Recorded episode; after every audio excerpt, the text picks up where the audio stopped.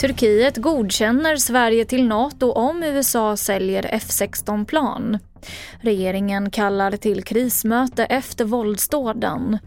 Och årets första hummer såldes för 44 000 kronor. TV4-nyheterna börjar med att Turkiet kommer att godkänna den svenska NATO-ansökan om USA håller sitt löfte om försäljning av F16-plan till landet. Det här rapporterar Reuters. Turkiets president Erdogan har tidigare sagt att de båda sakerna inte har med varandra att göra. Det finns fortfarande ingen misstänkt efter gårdagskvällens sprängdåd i Hässelbystrand i västra Stockholm.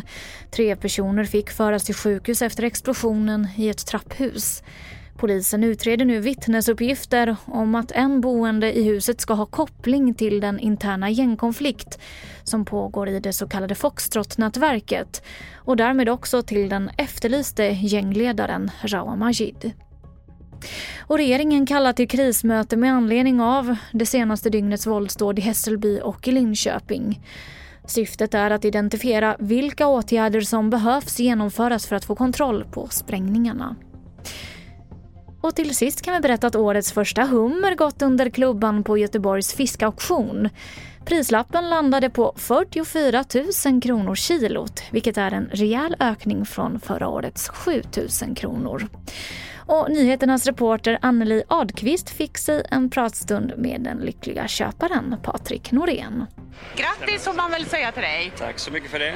Varför budar man hem en hummer för 44 000 kronor kilot? Ja, det kan man ju undra faktiskt, Ja. för det är ju inte rimligt. Men eh, dels är det en kul start.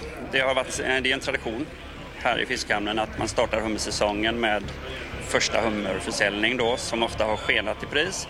Sen har man ju på senare år valt att göra lite välgörande ändamål och då är det mycket lättare att motivera sig och betala mer pengar. Det var det senaste från TV4 Nyheterna. Jag heter Emily Olsson.